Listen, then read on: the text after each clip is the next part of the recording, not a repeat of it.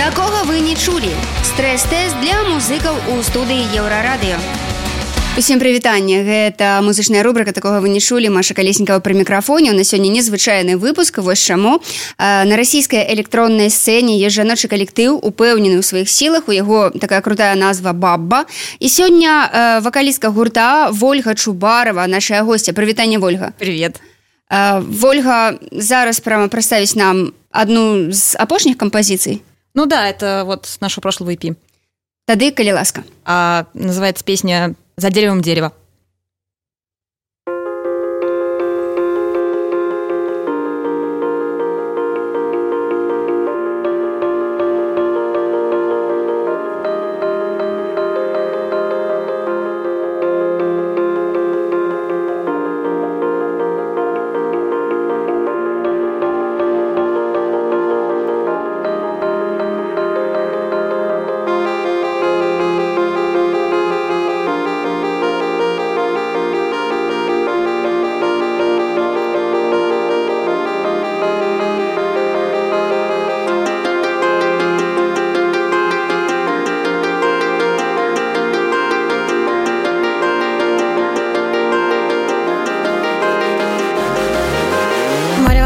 Раз, море волнуется два, море волнуется три.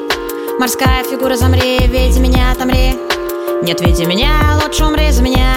И расскажи, что там было и стоит ли Катиться по склонам, свернувшись в клубки И не попадаться в селки. Увенчаны мы в ответе за все И вряд ли изменим вот это вот все Каким должен быть твой родной господин. Давно показал телевизор Рубин Когда попадал в несказочный мир. Мальчик Лук Чиполлино. А за деревом дерево, за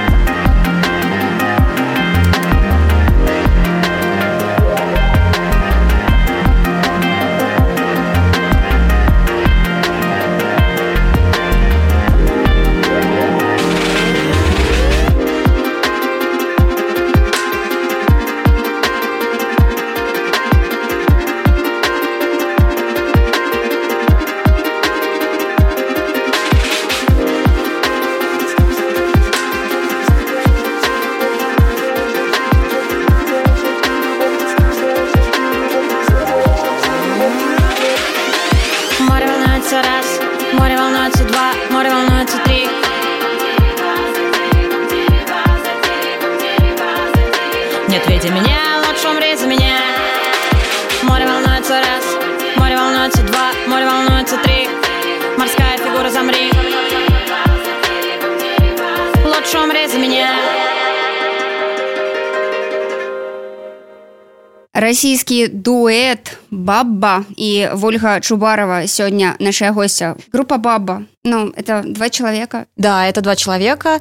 Э, Ал Читаева, э, мой композитор, мой личный композитор Ал ты.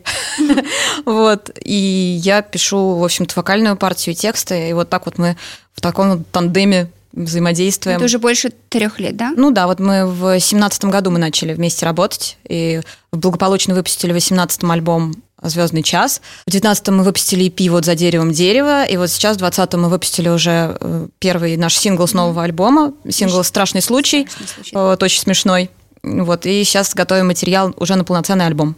Что вы делаете в Минске, Ольга? А, я приехала просто потусоваться к своему другу. А, но вы были э, замечены в одной из минских студий, вот. Да, я, ну, как бы тусу тусой, а Работа, работа. работа работой, да, как бы никогда не упущу возможности пописаться лишний раз. Новый альбом это будут э, те же такие маленькие романы о женщинах. Да, ну как бы у нас все в перемешку, то есть не только же о женщинах, это так э, просто у нас Ну, общая крас- такая концепция, такая, да. да. чтобы было понятно, что все-таки мы девочки, как ни крути, вот, а на самом деле там как бы обо всем, это вот и страшные истории какие-то, и фольклор, и просто какие-то размышления о жизни, и, естественно, какие-то заметочки по поводу наших подружек, то есть это сборная солянка, так сказать. А вот э, страшный случай мне немножко напомнил нашу серебряную свадьбу. Мне кажется, это такая бенька, только в таком электронном оформлении. Ну да, как бы я на самом деле, когда перешла на русский язык, для меня много было коллективов таких основополагающих, которые пишут очень круто, в моем понимании, на русском языке. Это вот «Серебряная свадьба», это как бы там, ну, «Кассиопея. Петля пристрастия», понятно, вот. И наши коллективы российские, там, Курара для меня всегда были очень важны. То есть, как бы я вот черпала ото всех всего. То есть от Беньки, конечно же, я взяла вот этот вот юмор, как бы, и стараюсь его нести тоже в своих текстах. Я напомню нашим слушателям и зрителям о том, что о, Ольга э, еще и вокалистка группы Cheese People. да. Группа играет диско-панк, и Ну, уже нет. уже не диско-панк. Нет, мы уже тоже на электронщину перешли. Такое у нас мы это назвали как рейв из русского зазеркалья. Вот, то есть у нас такое очень такая качественный европейский dance, но с русскими текстами, но они у меня тоже все как бы и смешные, и интересные, то есть как бы Мне вот э, всегда, я немножко завидовала людям, которые могут работать параллельно э, в двух разных концептуально коллективах, и при этом быть настолько органичными, это легко переходить из одного состояния в другое, возвращаться туда. Мы стараемся разделять, как бы, чтобы группы не были похожи. Мы долго, кстати, к этому шли, потому что всегда никто не понимает, как бы и тут электроничный, там электроничный, тут Оля, и там Оля, и что вообще, чем вы различаете. Но вот сейчас, вот э, в этом году уже как-то люди начали понимать, в чем разница. Нас действительно начали приглашать на разные мероприятия, нас начали разделять наконец-то. Вот. Но мы как бы над этим работали, потому что с Аллой, например, у нас и визуальное оформление как бы другое совершенно. У нас там есть синхронные танцы, у нас какая-то такая концепция в одежде всегда, то есть мы как-то всегда сочетаемся максимально. Вот. А с парнями в Cheese People как бы у нас такой до сих пор разухабистое такое поведение на сцене. Благодаря этому, благодаря разным концепциям, как бы удается совмещать и оставаться на своей волне в каждом коллективе. А какой из коллективов для вас более важен? Для меня оба коллектива очень важны, честно. Как бы, ну, это я же работаю в них в обоих, как бы душ вкладываю в тексты. Там. А, Если брать, например, э, бабы, бабба, Мгм. Бабы, это я прочитала, что это маленькие романы, то есть вы называете как песенки бабами, да, тоже? Нет. Нет, это я, значит, где-то прочитала, что бабы — это короткие романы. Нет. Такие выверенные, женственные, искренние, честные. Очень часто э, есть такое мнение, что если в коллективе, например, поют э, только женщины, то это такое какое-то... Есть фе- феминистское начало в коллективе. Что вы вообще думаете о феминизме? И действительно ли баба связана хоть как-то с этим движением? Скорее нет, чем да. Потому что, ну, мы как бы с Аллой обе замужем, и, в общем такие крепкие хозяйки своих домов, и, в общем-то, никогда не были против мужчин. Мы, наоборот, с мужчинами всегда работаем, дружим, как бы это всегда наши одни из самых близких людей. Феминистки, они же за равноправие, они же не против. Не знаю, может быть, просто нас окружают такие мужчины, которые никогда нас не ущемляли в наших правах, поэтому у нас такого вот мнения не сформировалось. Как бы всякие люди бывают, бывают как бы мужчины не очень классные, но ты просто мимо проходишь и не взаимодействуешь с ними, а с классными мужчинами ты дружишь и строишь там жизнь. Поэтому, не знаю, мы как-то к феминизму очень холодно относимся. У нас песни обо всем, обо всех, и о мужчинах, и о женщинах, э, обо всех вообще. Э, Сами песни, вот истории, как они приходят? То есть реально можно что-то послушать, и сразу быстро это все пишется? Ну вот, например, страшный случай, это история, которую мне еще в лет в 11 или там 12, не помню, рассказала бабушка моя. Она была заведующей санэпидемстанции города Куйбышев, вот, и вечно общалась со всеми вообще, с очень многими людьми, с разными. Ну и вот, видимо, это откуда-то какая-то городская легенда или байка о том, как вот э, в 90-е женщина купила мясо, пришла домой, а мужа все нет. Она решила разделать это мясо самостоятельно, открыла, а там, в общем-то, увидела, что это расчлененка, там наколка ее мужа, и, в общем-то, я полностью суть-то в тексте передала. Вот, ну, то есть такие всякие вещи. А бывает что-то, тексты идут о наших подругах, То есть об их переживаниях или наоборот, там я частенько высмеиваю. Вот. Бывают какие-то тексты про личные переживания какие-то. Мне еще сказали, что Баба одна из э, любимых групп э, российского философа Максима Горюнова. Да? Да. Я не знала, круто. Вы знаете Максима? Mm-mm. М-м. Не знаете Максима? Нет. Максим Горюнов, он тоже один из ведущих Еврорадио. Вот он вместе с, наш, с моим коллегой э, ведут программу «Национальная идея». Угу. Вот, и ищут белорусскую национальную идею. Ну как, успешно? Но они ее нащупывают, нащупывают, пока вроде не нашли точно, точное определение. Есть какая-то национальная идея в музыке группы Бабба? Просто идея, национальная. Не знаю, просто идея. Это в первую очередь всем классно провести время, поугарать, послушать музыку. И если мы кому-то поможем, например, нашими песнями, что-то пережить, что-то для себя понять, это будет вот круто. Наверное, в этом вся идея группы угу. Баба. Ну, название же тоже, наверное, идет немножко оттуда, что там коня, коняна с какого становится. Да, да, да. То есть, безусловно, как мы позиционируем себя есть. как сильные дамы, так-то как бы не размазни. Как бы кому надо, тому поможем всегда. Здорово. А, у нас в Беларуси, например, э, есть такая небольшая проблема того, что музыки пишется много, но не очень просто с ней Э, там пробиться, например, куда-то на телевидении, на радио. Угу. Да, это везде такая проблема. В России все то же самое. Ну, то есть на какое-то реально крупное телевидение, mm такое масштабное, всероссийское, на него ты, если ты делаешь что-то необычное, ты, конечно, не попадешь никогда. Ну, а есть вообще желание при этом, если ты делаешь что-то необычное, более массовой публике? Есть, показать? конечно. Я думаю, у всех оно есть. Просто потому что, когда ты делаешь что-то необычное, хочется, чтобы люди уже наконец-то что-то услышали. Может быть, им тоже понравится, может быть, что-то в сознании поменяется, а вдруг ты сможешь что-то поменять. Вот в этом как бы идея есть и желание. Угу. А вы знакомы немножко вот с белорусской электронной музыкой? У нас, у нас, например, есть такая электронная принцесса Наташа Куницкая. А, ну с Наташей это да, конечно, мы знакомы, да-да-да-да. Что-то я про тоже забыла. Но так, например, вот здесь, будучи в Минске, никакие электронные концерты не посещали. Ну, я что-то не успела пока что, да. Угу. А когда будет концерт группы Баба в Минске? Ой, ну мы вообще с удовольствием за любой кипиш, и как бы как только, так сразу. Вот сейчас у нас только вот начинаются какие-то подвижки в плане выпуска альбома. Угу. Очень надеемся, что со вторым альбомом посетим презентации и Минск тоже. Да, я думаю, что многие придут. Ну, мы надеемся. А не было ли вообще идей как, каких-нибудь коллабораций, таких тоже с, с той же Бенькой, например, или с Петлей? Ой, всегда есть идеи коллаборации. Мы любим коллаборации, но пока что что-то как-то не срастается. Уже были от нас предложения к ребятам. Ребята вроде говорят «да», а потом что-то вроде «нет». Вот так вот. Может быть, их текст попугивают немножко. Ну, на самом деле тексты же достаточно милые, мне кажется. Ну, я предлагала в коллаборацию просто вот этот вот трек про расчлененку, mm-hmm. который этот страшный случай. Вот отказался человек, который я предлагала. Хотя мне очень хотелось, чтобы он там поучаствовал. Сказал, что нет, не моя тема, что-то больно у тебя там мрачняк.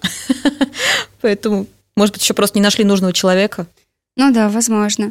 Но вообще в России сейчас эм, музыкальное движение, вот как мы отсюда видим, больше рэпа, рэпа, как-то так вот угу. все на этом э, повязаны. К нам музыканты тоже российские приезжают, их даже запрещают некоторых там.